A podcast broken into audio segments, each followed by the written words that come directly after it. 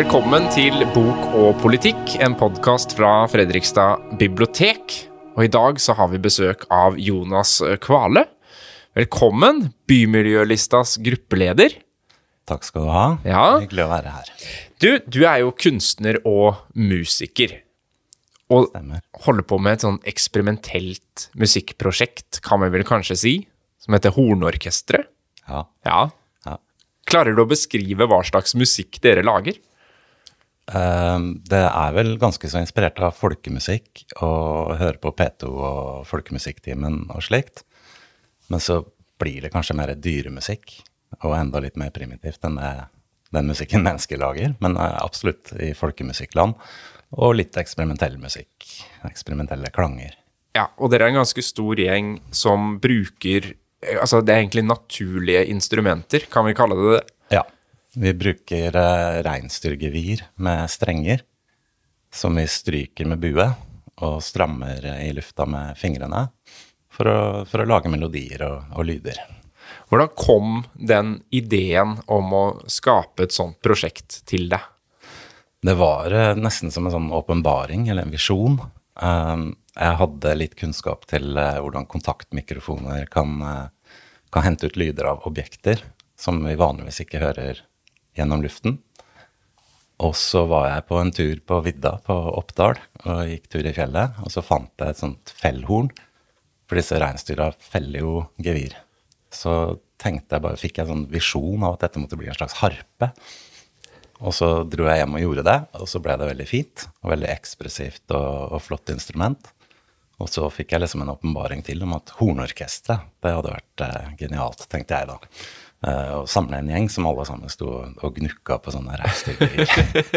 og så prøve å få det til å låte som musikk, da. Ja. ja, for det er veldig melodiøst. Altså, det er jo veldig sært, må man kunne si, men det er også veldig melodiøst.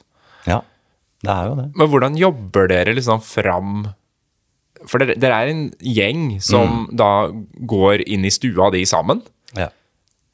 Vi har vel egentlig gått fra å på en måte ha et tema og kanskje noen liksom anslag på tempo og, og, og litt hvordan ting skal lyde, altså at det bare er et ord eller en setning som gjerne kom fra meg, som var inspirasjon for en låt, og da kunne den gjerne bli ganske forskjellig hver gang.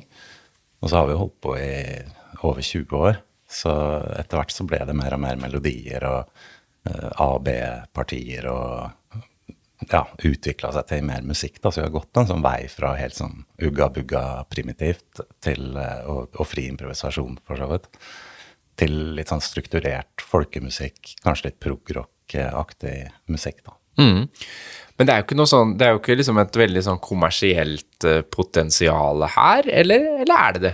Jeg tror det kan være det. Eh, Men vi blir jo stadig bedre og spiller stadig renere. Så jeg tror dette kan, kan fungere, men eh, det viktigste for oss er å lage akkurat den musikken vi vil.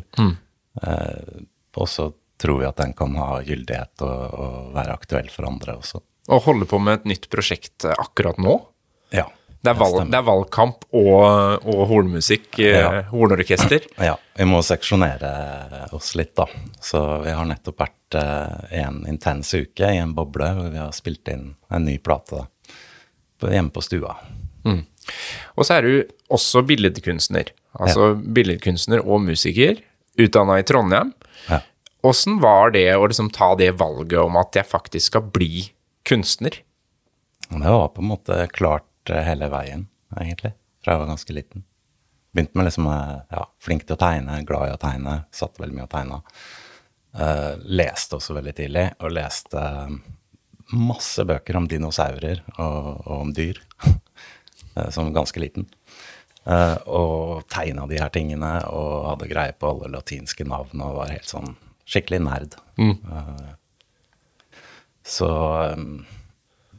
ja, det, det var egentlig klart for meg at, det var noe jeg ville drive med. Du, du fant kunsten, og kunsten fant deg på en måte naturlig fra, ja, fra barndommen. ja.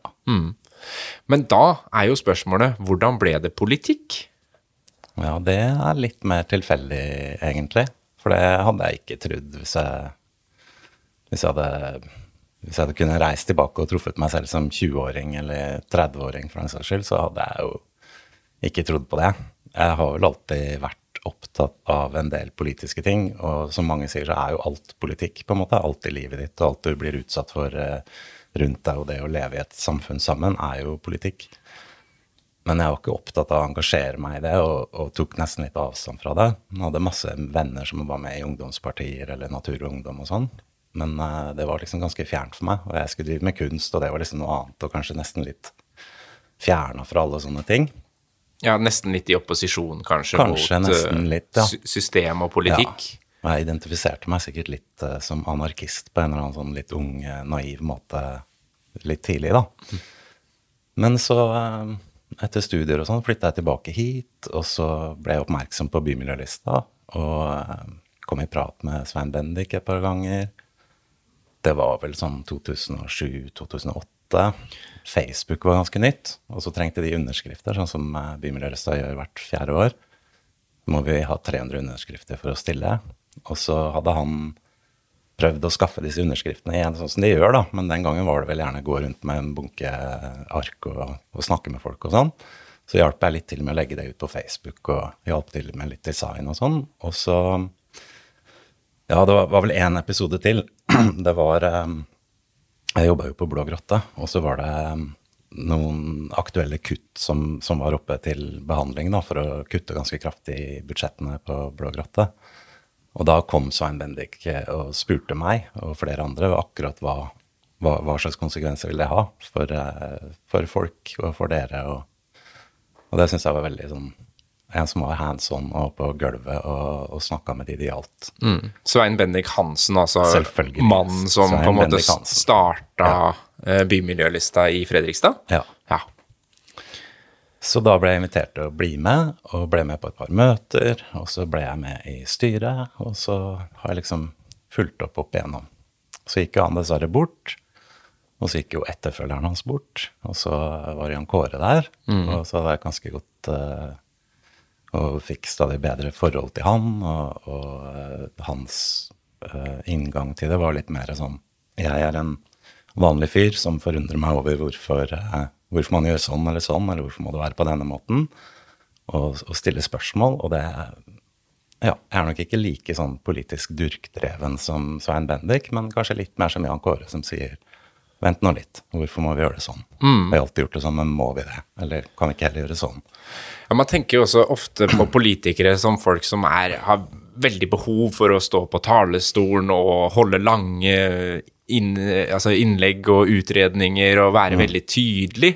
Um, og der er kanskje du en litt annen type? Jeg er vel Jeg vil like å tenke på meg sjøl som tydelig. Det tror jeg er. Men eh, kortfatta og to the point, det er eh, viktig for både meg og Gøran eh, i bystyret. Og jeg syns f.eks. at personlige anekdoter ikke hører så godt inn i et politisk innlegg. Man må snakke generelt, og, og ikke sånn 'jeg har opplevd' eller 'jeg har sånn og sånn'. Og det er det mange som gjør, da, eh, iblant. Så vi prøver å være veldig to the point. Skal vi, vi må snakke litt om eh, verdigrunnlaget, for det er veldig tydelig i partiprogrammet deres. At, at bymiljølista ha, er liksom bygger på noen klare verdier. Kan du si litt om det? Det står jo eh, arbeiderbevegelsen, kvinnebevegelsen og miljøbevegelsen som utgangspunkt. Og det er eh, også veldig to the point og litt viktig for oss å skrive, fordi ja, vi er partipolitisk uavhengige. Vi har nok velgere fra hele spekteret, egentlig. Tradisjonelt så har vår sterkeste valgkrets vært på Sisson-Young. Ikke dermed sagt at det bor så mange konservative der, men det har vel kanskje gjort det før. Eh, Og det har vel et sånt verdikonservativt trekk i og med at vi starta opp for å prøve å stoppe riving av trehusbebyggelse i sentrum. Ja. Og vi har nok også noen sånne verdikonservative trekk ved oss, men vi er veldig klart eh, Altså arbeiderbevegelsen, kvinnebevegelsen og for så vidt også miljøbevegelsen er vel egentlig ganske godt plassert på venstresida. Og vi har også hatt eh, så lenge jeg har vært med, et veldig tydelig antirasistisk engasjement, da. Så det er vel en del av, av grunnlaget. Og Svein Bendik henta mye fra De Grøna og De Grynen eh, opprinnelig, da, når han eh, på en måte bygde Bymiljølista. Ja, det står jo her at eh, man ønsker å stille opp for alle som ikke har eller tar en stemme. Ja. For eksempel naturen. Ja. For eksempel naturen. Eh, før vi liksom går inn på punktene, så er det jo sånn i bok og politikk at du får utfordringa om å ta med deg en bok, Ja. et eh, litterært verk. Og hvor skal vi denne gangen, Jonas? Ja, vi skal eh, ut i isødet. Oi. Og det det totalt ukjente og hvite flekker på kartet. Og en av Norges største mm, helter gjennom tidene, eh, Roald Amundsen, som er født i Fredrikstad. På tomta på Hvitsten i Borge. Og eh, for å ta det litt ned igjen fra det litt svulstige nasjonalromantiske introen, så er det da med utgangspunkt i en biografi av Tor Boman Larsen, som eh, eh, kanskje river han litt ned fra pidestallen og prøver å avkle hvem, hva, hva for en figur han var privat. Fordi én ting er alle bragdene, først på to poler, og uh, først gjennom uh, Nordvestpassasjen, og uh, pioner. Luftskip, Luftskip, Norge fly. Altså, ja. Ja, en av de første som tok flysertifikat i Norge. Men privat så var Eller ja, han var veldig privat, rett og slett. Holdt mye for seg selv og delte ikke så veldig mye. Og han var vel aldri gift, men hadde forhold til noen gifte kvinner. Som han da aldri helt fikk. Og hadde et nært forhold til ene broren sin, som var forretningsfører for han gjennom mange mange år, men som han eh, etter hvert hadde et veldig stygt eh, brudd med. Han hadde jo også han hadde også Fridtjof Nansen som en slags mentor og, og, og eh, inspirator, men som han også fikk et eh, brudd med underveis. Og denne boken til Tor Boman Larsen, som da er basert på at han fant en 15 000 til da litt ukjente brev av, med privat karakter, den kler jo ham helt eh, naken som en eh, nådeløs og ærgjerrig og arrogant og eh, ganske mørk person. Og det er utrolig fascinerende. Det, står, det er jo liksom i åpninga av den biografien hvor han sier at nå skal vi på en måte prøve å nærme oss Roald Amundsens land. Altså å komme inn på hvem denne personen egentlig var, som du sier. Se bort fra bragdene og de store orda, da. Og da må jo vi gjøre det samme. Vi skal nå gå inn og finne Jonas uh, Kvales land, ikke Ja. sant? Og hvordan Fredrikstad ser ut eh, med bymiljølista eh, ved makta, Ja, tenker jeg. Og da, da starter vi eh, med de viktigste sakene deres. Det første som står her, er barn og unge i partiprogrammet. ja. Hvorfor er det liksom utgangspunktet til bymiljølista? Tja, hvis vi ikke klarer å lage, ha gode skoler og gode miljøer for barn og unge, da, da syns jeg egentlig vi svikter på alt. Eh, disse unge skal jo leve videre, kanskje i Fredrikstad, kanskje andre steder, og de må jo ha eh, et verdigrunnlag og en oppvekst og minner og, eh, og, og ting å bygge videre på. De skal leve videre inn i framtida og drive framtidas Fredrikstad. Og så har vi det mm, som kommer fra Jan Kåre Fjell, da, at det som er bra for barn og unge, det er bra for alle. Så hvis eh, barn og unge trenger å bli stimulert, trenger å ha tilgang på grøntområder og aktivitetsparker og fritidstilbud, ja, så trenger vi midt i livet det, og vi, de eldre også, trenger det. Eh, Så er det bra for barn og unge, så er det bra for alle, tror vi. Men eh, vi er jo i en kommune som har, skal spare mye. Det er trangt med penger. Ehm, hvor finner man liksom de kronene for å ruste opp skolene, både på bemanning og ikke minst eh, skolebygga, som flere steder i Fredrikstad nå står og forfaller? Vi må jo vurdere hva vi driver med. Eh, det er ganske lite av det totale budsjettet vi kan flytte på og gjøre noe med. Veldig mye er lovpålagt, eller vil det være fryktelig dumt å, å slutte med. Så da blir det å se på det som er igjen, da, og så prioritere. Og når det gjelder skoler, så er, er det veldig mye snakk om hvordan skolene ser ut, rent fysisk. Og det er klart vi skal ha bra inneklima, og folk skal ikke tråkke på spikere og, og, ha ting som helt åpenbart er feil. Få, få, få tak i huet? Eh, og få tak i huet. Og heldigvis ingen som fikk det der taket i huet, da, men uh, jo, det er, det er, mye fokus på det, å ruste opp skolen rent fysisk. Men for oss så tror vi det er aller viktigst at vi har gode folk på skolen. Vi har lærere som er engasjerte og har den utdanningen de skal ha og bryr seg om elevene og klarer å ta tak i elevene. Og flere lærere i skolen er absolutt viktigst for oss. Mm. Hvis du husker tilbake på egen skolegang, så er det den gode læreren som så deg, og som tok tak i deg og, og hjalp deg. Du husker jo ikke om det flassa litt maling på en vegg eller en dør et sted. Nei da, jeg husker ikke åssen det så ut på doen på Krakerø ungdomsskole, men Det var sikkert ikke helt bra den gangen heller. Husker men... Linda og Freddy, liksom. Ikke så det, ja. Men det, det, står her at dere vil eh, la barn få oppleve lokal natur og kultur og kunst og historie liksom i, i nærmiljø ja. på skolen. Hvordan tenker dere rundt det? Det kommer jo litt an på hvilken skole det er, men det fins jo masse ressurser i nærheten av skolen. Og vi tror at det å bare sitte på skolebenken og kanskje bare bruke digitale eh, eh, ressurser, ikke er like godt som å faktisk oppleve noe fysisk. Gå et sted, ta på noe, lukte på noe, se noe. Eh, og det kan, eh, kan, gjøres på mange måter, det, men vi tenker at, at det, det, er noe vi kunne styrka skolene med. Midler til på en måte ekspedisjoner ut til, eh, til næring eller til kultur. Og vi syns at når vi har eh, kulturinstitusjoner som Østfold Kunstsenter, så bør jo de, bør jo i hvert fall grunnskolen i Fredrikstad være innom der eh, flere ganger i året og se utstillinger og snakke om det og bli stimulert av det. De bør besøke Øra og se på ulike næringer der, hvordan det ressurser langveisfra kommer dit og blir foredlet, hvordan vi prøver å jobbe opp en sirkulær økonomi. Altså at, at, men det, det, blir jo litt avhengig av læreren òg, men vi kan stimulere til det politiske hvis vi setter av midler til det. Mm. Og så bet jeg meg merke i et ord her hvor det står hjertesoner rundt skoler. Altså sikre, trygge skoleveier og støtte forsøk med hjertesoner rundt skoler. Hva betyr ja. Der er jeg faktisk litt usikker, for jeg har ikke skrevet hele programmet sjøl. Det har vi gjort litt i, i, samarbeid. Men jeg mener det har noe, noe med en sånn uh, merking av skoleveier å gjøre. Mm. Og uh, for å ta det vekk fra det ordet, da, som jeg egentlig ikke helt kan forklare her og nå, så, så er det vel det at uh, det skal være trygt rundt skolen. Da. Det skal være Skolen er på en måte nav i lokalmiljøet. Mm. Og så har man jo, tilbake på liksom verdigrunnlaget til bymiljølista, da, så er dere jo imot uh, private grunnskoler. Ja. hvorfor det?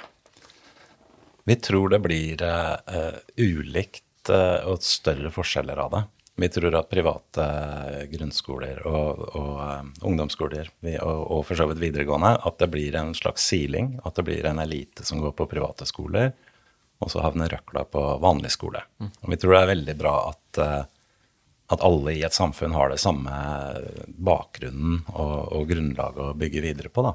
Og det er som om du er religiøs, eller om du svinger den ene eller andre veien politisk. Så har vi på en måte et felles grunnlag sammen. da. Det syns jeg er uhyre viktig i et samfunn. Og Her er vi jo liksom inne på noe av den store utfordringa i Fredrikstad akkurat nå, egentlig, og sikkert vil være framover òg, nemlig levekårsundersøkelsene, eh, mm. og hvordan man bekjemper både barnefattigdom, men fattigdom generelt, og at det er økende lavinntektsfamilier ja. i Fredrikstad. Hvordan angriper man det problemet?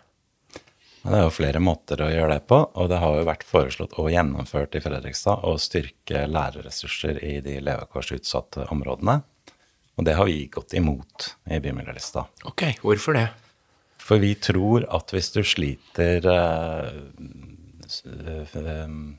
på, på, forskjellige måter. Om det er mobbing, eller du sliter faglig, eller hva det er, så er det like stort problem om du er på Lunde, eller om du er på Sissingang eller uh, Trara.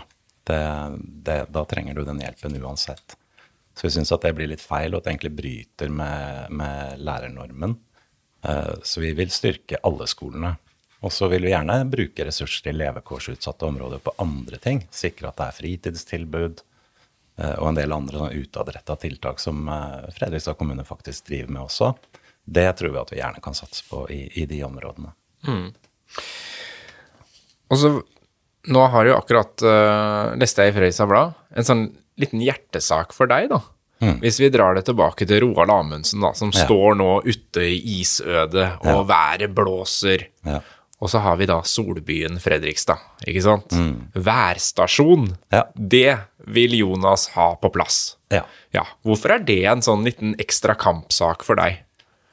Det er jo ganske lite penger det er snakk om. Og Fredrikstad kommune bruker mer enn det på f.eks. omdømme eller Visit Fredrikstad eller Næringsfondet, andre utviklingsting. Så vi tror det er helt innafor sånn i seg selv. at vi, vi, tror ikke dette er en, en kjempeutgift. Det er ca. 200 000 kroner. Uh, det er jo Gøran Carlsens idé, dette her, men jeg syns den er helt glimrende. Vi blir ikke rapportert i riksmediene som eh, verken spesielt kald eller varm. Det kommer data fra Sarpsborg eller andre steder rundt. Mm, som har påberopt seg å være Solbyen. Det har de også. Ja. Eh, og ifølge Gjøran så er det nok Fredrikstad som faktisk er Solbyen, men for å få det på plass, så må vi ha en værstasjon. Og jeg syns også det er for så vidt helt i Roald Amundsens ånd da, å, å, ha en værstasjon. Ja. Uh, det er flott. Det er, jo, det er jo, liksom et uh, forskeraspekt ved det òg, å kunne si noe helt konkret om hvordan både temperaturen endrer seg, og det bringer oss jo over på, på klima- og miljøpolitikken òg, som jeg vet at Bymiljøløst er mm. veldig brennende engasjert i. Ja. Um, hvor, hvor, kritisk er den situasjonen vi ser i verden nå? Jeg opplever det som ekstremt kritisk. Um, og jeg skjønner godt at ungdom i dag kanskje kan nesten bare skyve det til side. For det er så stort og vanskelig å ta inn. Og at man kan miste framtidstro. Og jeg snakker jo med folk som tror at eh, løpet er kjørt for oss, og at dette er eh, Hva er det de kaller det? Um, ja, menneskenes tidsalder, altså antropocen, hvor mm. vi rett og slett bare ødelegger vårt eget livsgrunnlag. Og um, vi må jo tenke globalt. Vi kan ikke, altså Bymiljørelsen er et lokalt parti som egentlig stopper ved kommunegrensa, men vi må jo tenke globalt og tenke i et større perspektiv. Vi må, se, eh, vi må ha solidaritet med folk som lider av eh, klima, klima eh, og, og miljøødeleggelser i andre land. Det kommer til å bli klimaflyktninger i framtida. Mm. Jeg tror på vitenskapen. Jeg tror ikke på anekdoter og gamle folk som sier at ja, det var mye regn før og eller det var Altså, jeg tror vitenskapen holder. Og vitenskapen er jo ikke en fasit. Vitenskapen er jo en en måte å se på fakta og, og, målinger og verden rundt seg som hele tiden justerer og oppgraderer sine teorier og hypoteser. For meg så er det riktig måte å se det på, og alle piler jo peker jo i, i retning av at vi, vi, står overfor en slags krise. Men jeg har ikke gitt opp håpet. Jeg tror at vi kan gjøre ting eh, for å endre det. Mm. Og da, som du sier, tenke globalt, handle lokalt er jo en sånn ting ja. man, man ofte bruker. Og noen uh, syns jo det er en uh, veldig flott idé, og andre tenker at ja, men det hjelper ingenting så lenge Kina og de store landa uh, og pøser ut med, med utslipp og, mm. og, holder på i sin retning, og vi fortsetter å finne olje og ja, ja. verden går sin gang, uh, og det er vanskelig å, å trykke på stopp-knappen. Ja. Og det vil vel ikke skje noe skikkelig drastisk før noen virkelig lider og merker en effekt av det. Eh, men hvis man gjør det lille man kan med seg selv og sitt eget liv og sitt hus og sin familie, og i sin kommune, og med, med det vi kan ta ansvar for her i kommunen, så gjør man i hvert fall noe, da. Mm. Og hva, hva, hvis du gir oss noen konkrete eksempler på det fra bymiljølista, da, hvis dere får bestemme miljø- og klimapolitikken i Fredrikstad. Ja. Hva, hva, det, hva, kan vi gjøre? Jeg er glad for at du sier både miljø og klima. Jeg tror at klima er kanskje et enda større og mer globalt uh, spørsmål. Men miljø så kan vi i hvert fall hindre ødeleggelse av, av skogområder og naturområder og, og parker. Vi kan uh, gjøre noe så enkelt som å sette opp flere søppelkasser, så folk har et sted å gjøre av søppelet sitt. Vi er sånn helt eh, jordnære, vi. Vi har eh, enkle jordnære forslag. Men vi har jo slåss for, eh, for å bevare Narnteskogen og Mørkedalen. Nå er det jo også snakk om å tappe ned Bingedammen. Det er sendt inn søknad som ligger på høring nå hos NVE, hvor eierne ønsker å tappe ned og avvikle dammen. Det tror vi er en veldig dårlig idé. Vi må ta tak i alle sånne ting. Og For det, for det vil påvirke det lokale uh, dyrelivet, holdt på å si, Ja. rundt og omkring dammen, ikke Ja, sant? Det vil jo det. Og så må vi um, um, Ja, nå mista jeg litt råd, men uh, Ja, nei, vi kan jo gå inn på liksom grøntområder, for eksempel. Det, det skriver dere jo mye om, det her med å bevare grøntområdene, og ikke minst naturområdene rundt Glomma, og altså ikke gripe inn for mye i, i ting. Men, men hvorfor er det så viktig at vi har disse grønne lungene i, rundt omkring i byen? For det første så har de en egenverdi, og de har ingen stemme, så da er vi gjerne stemmen for disse områdene. Eh, og så støtter de opp om en, en masse ganske rikt eh, dyreliv. Og en god del fugler flytter seg jo over og rundt og gjennom en by, og da trenger du grøntstruktur som eh, kan være hvilesteder for dem, og steder å lande på vann, f.eks. i Bingedammen, og komme seg videre rundt i byen. Hvis alt eh, er eh, glass og betong og asfalt, så er det veldig lite trivelig for dyr, og vi må ha plass for dyr her òg. Um, ja. Og så har vi den, en av de store sakene som, som pågår nå, er jo uh, mudringa uh, og utbedrelsen av liksom uh, farleden inn mot Borg havn, da. ja. Um, hvor, hvordan stiller dere dere til den saken? Vi vil ha det mudderet på land. Det er vi veldig klare på. Og eh, jeg har jo sett eh, undervannsbilder av eh, deponi av eh, mudder eh, tidligere. Og samme om det er gift i det eller ikke, så blir det et sånn fortynna, finfordelt slam, og det legger seg overalt og kveler det. Så det må vi ha på land. Og sånn men privatbilisme og sånn, det går jo også inn i det store liksom, miljøperspektivet, da, hvor man enten sykler eller kjører rundt. Um, og igjen videre til bompenger, for eksempel, Uh, som jo er upopulært. Men vil Bymiljølista ha, mer bompenger? Mer bompenger vet jeg ikke om jeg vil si eh, sånn rett ut, men eh, vi vil ha bompenger. Vi syns det er en naturlig måte å finansiere det på. Og vi vil ha folk mer over på kollektivt, og gjerne sykkel. Og så tror vi at kanskje ikke Eller vi vet at, at det er ikke alle som kan sykle.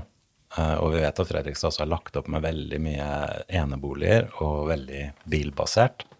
Men vi får prøve å bygge nye prosjekter sånn at det ikke er bilbasert. Vi er nødt til å gjøre noe med kollektivtrafikken. Vi syns det er eh, riktig ille. Den satsingen som har vært på hovedlinjene, eh, den Glomma-ringen, for å få opp volumet i trafikk, for å få eh, subsidier til eh, busstrafikk. Vi syns at eh, du må kunne ta bussen eh, til byen, gjøre noen ærend og ta bussen hjem igjen uten at det liksom er veldig mye venting, eller du må dra urimelig tidlig eller urimelig seint. Vi må ha gode busstilbud. Mm, og det gjelder vel kanskje områdene liksom nærliggende rundt òg. Ja.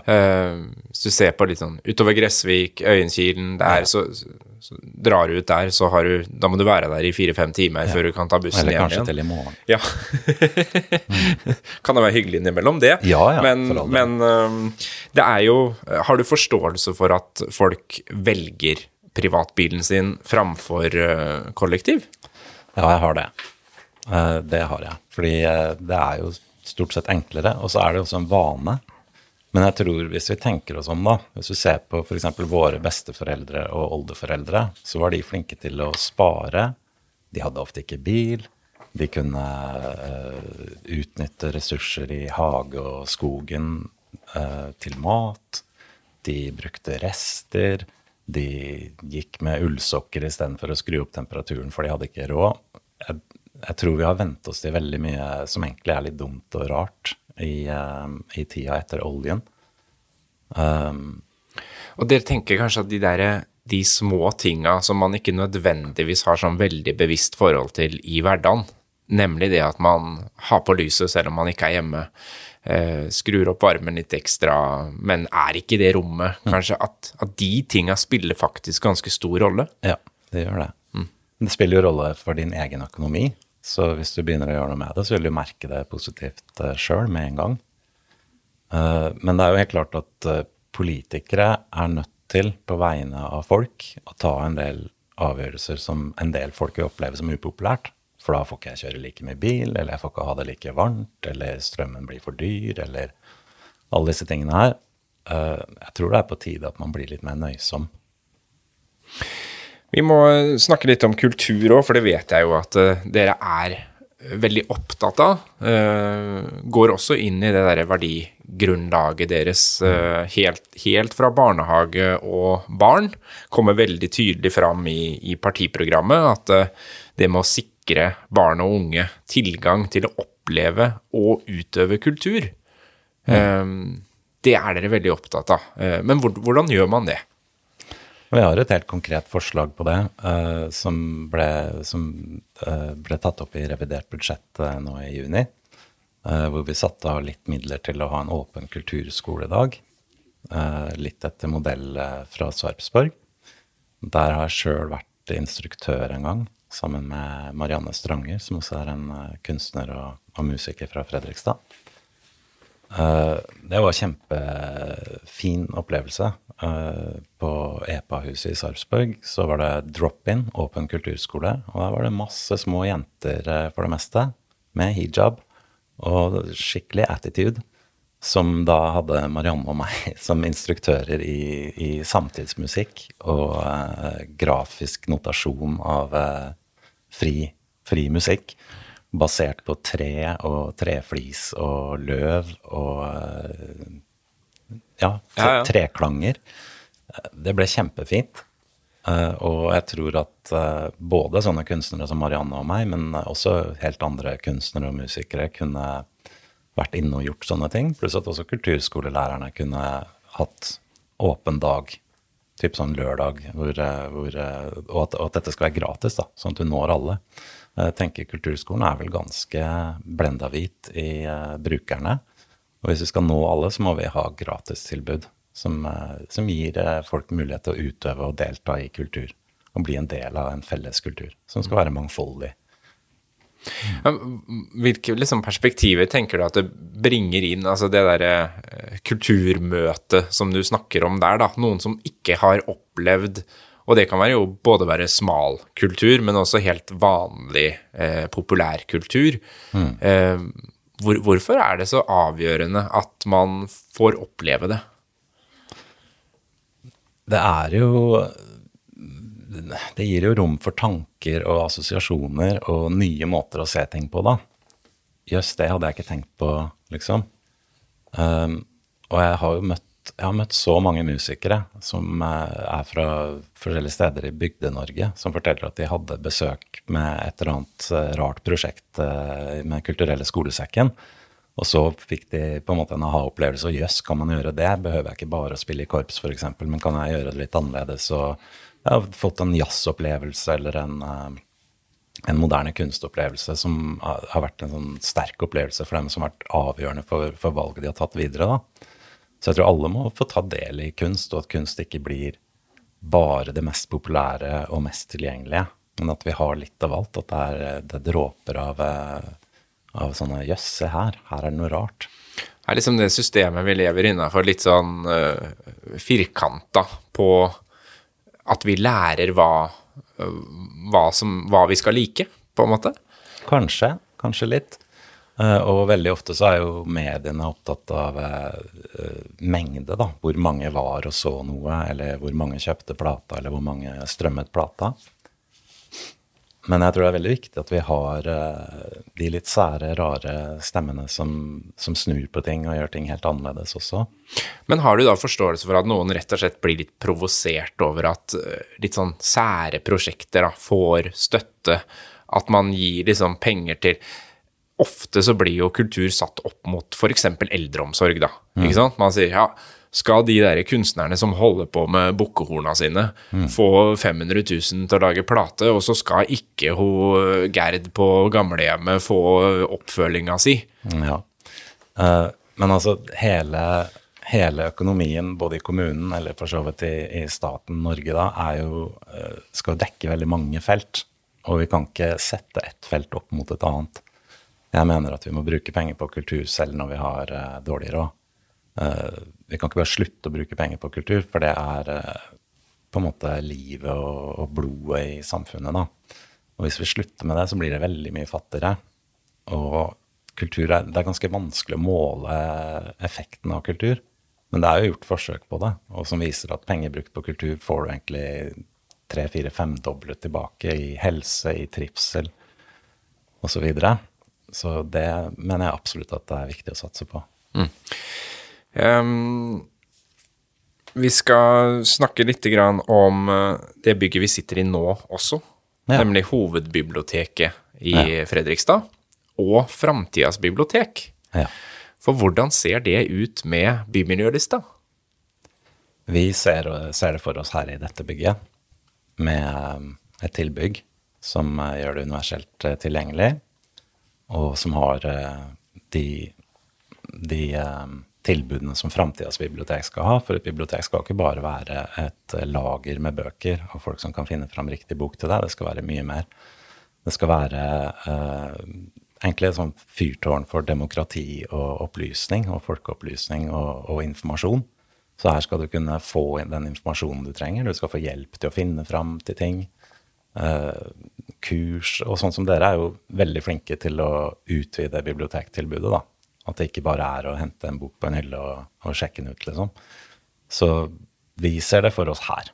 Og et av mitt, mine første møter med politikken, det var som varamedlem i kultur- og miljøutvalget. Og det var vel da i kan det ha vært 2008 eller 2009. Og da hadde vi en sak på bordet hvor, eh, hvor det var snakk allerede da om å utrede framtidas bibliotek. Og jeg ville gjerne gå for Jeg så jo noen gamle tegninger òg, med et glassbygg eh, skissert ved siden av her, og jeg syntes det var fint og ville gjerne gå for det. Og så ble jeg, sagt at, eh, ble, ble jeg fortalt at er du helt idiot, det er altfor usentralt. Og så var det tegninger hvor de hadde slått en ring rundt uh, denne lokaliteten, og eventuelt en lokalitet på verkstedet, og så telt hoder inni der. Men for det første så mener jeg at dette biblioteket, hovedbiblioteket, ligger i sentrum. Det er sentralt når du får eh, 1000 eller 1200 nye beboere i Cicignon Park, så er det i hvert fall mer sentralt. Og da faller jo dette eh, antall hoder-argumentet. Eh, eh, eh, sentrum i Fredrikstad for meg strekker seg jo omtrent herfra, og man kan kanskje nesten til og med ha med gamlebyen. Eh, og, og bort til Glemmen kirke og Altså, sentrum er blitt ganske stort, og det vil jo etter hvert omfatte hele FMV-området også. Så et bibliotek eh, her og en utvidelse her, det, det, er det vi har mest tro på. Mm. Men ha, er det noe penger i kommunen til å, å tenke i de banene? Én ting er jo å ha liksom ideen og visjonen, men, eh, men, er det mulig å prioritere noe sånt i den situasjonen vi står i nå? Ja, fordi store investeringer gjøres jo med, med låneopptak som man finansierer over tid og betaler ned over tid. Og det finnes jo andre store investeringer også som eh, som ligger på, eh, på lista over ting vi har vedtatt å, å sette i gang med, f.eks. Arena Fredrikstad. Ja, det må vi jo ta tak i, rett og slett. ja. Men jeg tror vi har råd til, til begge deler. Altså, vi har råd til å, til å, gjøre noen investeringer for fellesskapet som er eh, gode og som når alle. Og jeg tror at Arena Fredrikstad fortsatt eh, er en av de. Og jeg tror helt garantert at biblioteket er det. Som jeg sa, det er et, et fyrtårn for demokrati, folkeopplysning, samhold og fellesskap, kunnskap. Så det må vi, det må vi ta oss råd til. Mm. Men hvor mye er liksom uh, bymiljølista villig til å gå inn på Arena Fredrikstad med? Det, er, det har jo versert ja. en sum med 300 millioner, men da er man helt avhengig av, av ja. noen private aktører i tillegg, da. Ja. Vi har fått uh, sånne valgomatspørsmål. Vil du bygge Arena Fredrikstad for enhver pris? Og det er jo et helt uh, vanvittig spørsmål, egentlig. Enhver Det kunne vært hva som helst. Ja, og det er veldig mange summer som verserer ja. rundt uh, Arena Fredrikstad. Fra ja. 300 millioner til en milliard, men uh, det jeg har fått eh, høre, er 750 millioner for en totalpakke. And rising, som man sier. Absolutt, fordi eh, år for år, så ja da. Og da har vi jo fulgt dette her en stund, og vi har på en måte vært eh, med på det hele veien og vært litt skeptiske. Og så har vi nå i siste omgang eh, tenkt at vi vil ha privat-offentlig samarbeid, hvor noen går inn og gjør det at ikke kommunen står helt alene med den eh, utfordringen, den økonomiske utfordringen som det vil bli da, over mange år. Men vi heier fortsatt på Arena Fredrikstad, vi. mm. og, det, og dere er på en måte med på den 300 millioner-pakka. Eh, men, men man har ikke kommet så mye lenger i å hente inn eventuelle eh, private aktører som kan støtte opp under prosjektet, eller hvordan foregår det der egentlig? Nei, kommunen har jo forsøkt og ikke fått det noe særlig til, nei. Ja, så den, den Så stille. vi får bare følge den saken og se hva som kommer av eh, ulike tilbud og muligheter som kommer på bordet. Det står jo faktisk i partiprogrammet at man skal ha en nøktern arena Fredrikstad. Ja. Ja, så det er kanskje ikke sånn Det er ikke 100% all in. eh, Vi har vært litt delt i spørsmålet eh, internt i partiet. Men det var litt sånn syreprøven for oss, egentlig. Noen var helt imot, og noen var helt for. Og så har vi hatt veldig gode diskusjoner og sett på både disse kostnadene og hva slags nytte det kan ha, som det absolutt eh, har og kan ha. Og så har vi kommet til en sånn slags mellomløsning, da, Ja. hvor vi er enige om å, om å se det litt forskjellig, men at vi er for. Jeg har inntrykk av at mange partiene Nå har jeg jo prata med en del av partilederne etter hvert, og inntrykket mitt er jo at mange partier er litt delt internt eh, akkurat rundt den saken der, da. Det, det dere er helt uh, samla om, det er jo denne styrkinga av lokalmiljøet. eh, Altså de små områdene i, i byen. Um, hvordan, hvordan gjør man det best mulig? Er man da liksom helt avhengig av frivilligheten, eller er det politikernes oppgave å passe på alle disse små områdene? Vi har jo et lokalsamfunnsfond da, som lokalsamfunnene kan søke på. Men så er utfordringen kanskje at uh, det er f.eks. De, de, eh, disse røde levekårssonene, at man kanskje trenger det mest. Og samtidig er det kanskje de mest ressurssterke som er flinkest til å få en søknad på, på beina. Så det kan man jo gjøre noe med. Eh, Men vi, vi kan jo gi penger til lokalsamfunnet, sånn som vi gjør i dag, og fortsette med det. Eh, Samtidig så kan man tenke at er det alltid nødvendig at du må dra fra, fra ytterkant i kommunen til sentrum for å besøke lege eller ulike tjenester? At man beholder eh, f.eks. legekontor i nærmiljøet, da. Det kan også være bra. Sånn avslutningsvis så må vi ta litt sånn byutvikling av det store perspektivet. Nå går det veldig fort i byen. Det er store eh, byggeprosjekter, både kommunale og private. Masse boprosjekter, eh, noe næringsliv. Spørsmålet som jeg har stilt til alle, er jo hvem skal bo i denne byen?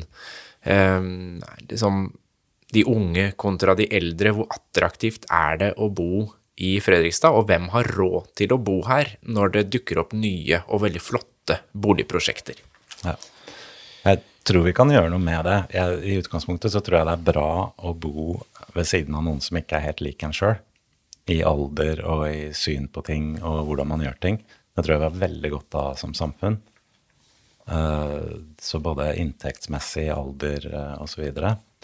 Uh, og da må vi jo bygge og pålegge de som bygger, at de ikke skal bygge de dyreste, flotteste leilighetene for å håve inn mest, men stille en del krav. Det er det faktisk mulig å gjøre. Og det vil vi gjøre hvis vi f.eks. kommer i planutvalget eller formannskapet eller eh, får litt mer å si.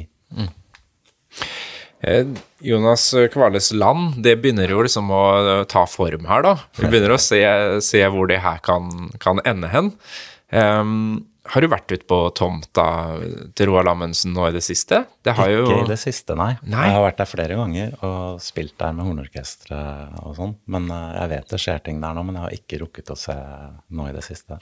Nei, jeg var der i, i fjor sommer faktisk på den nyåpninga, da. Det har jo liksom kommet inn noen nye krefter med Viggo Andersen og Øyvind Arntzen, gamle NRK-mannen, ikke sant, som tok meg med rundt på en omvisning. Jeg må bare si dit må folk dra, altså. For der har man en sånn skjult uh, skatt. Virkelig. Rett og slett. Og jeg håper de klarer å få det tilgjengelig og få ivaretatt. Og særlig den barndoms... Eller den boligen, da. Nå bodde han jo ikke der så lenge, var under et år. Mm. Men han var jo stadig hjemme der på, i somrene og, og, fikk på en måte smaken på den store verden der ute, da. For der kom det jo båter inn fra som gikk i Kina-trafikk og og veldig internasjonalt. Ja, og det er jo et, et av de stedene, i likhet med gamlebyen, eh, hvor man kan på en måte ta en lokal historie og fortelle en historie om hele verden, egentlig. Um, og hva man har fått til fra, fra Fredrikstad, ja. rett og slett. Ja, det er et kjempepotensial der som, som jeg håper eh, kan bli eh, utvikla. Og jeg tror internasjonale turister som kommer til Norge, kunne veldig gjerne tenke seg å se Roald Amundsens eh, fødehjem, uten tvil. Mm. Og, og, i forlengelse av det, gamlebyen, sitter vi jo også på eh, noen Er vi gode nok til å liksom utnytte gamlebyen? Kanskje ikke. Eh, det er jo en helt fantastisk bevart festningsby. Det er jo som å gå rundt i et museum eller er ikke Jul i Skomakergata, den nye er vel spilt inn der. Ja. Og, altså, det er jo helt fantastisk. Jeg, jeg har ganske nært forhold til gamlebyen, fordi eh, besteforeldrene mine bodde der, så var alltid jule, julefeiring i gamlebyen. Det er jo helt som å komme til eh, en, en, annen tid, da. Eh, og det må vi kunne ta vare på og utnytte og, og få det aller beste ut av. Det, det er på en måte perlen i Fredrikstad, det. Jeg skal ønske deg lykke til med nytt eh, album og prosjekt, eh, Jonas, og lykke til i valgkampen. Takk for det. Produsert av Fredrikstad bibliotek.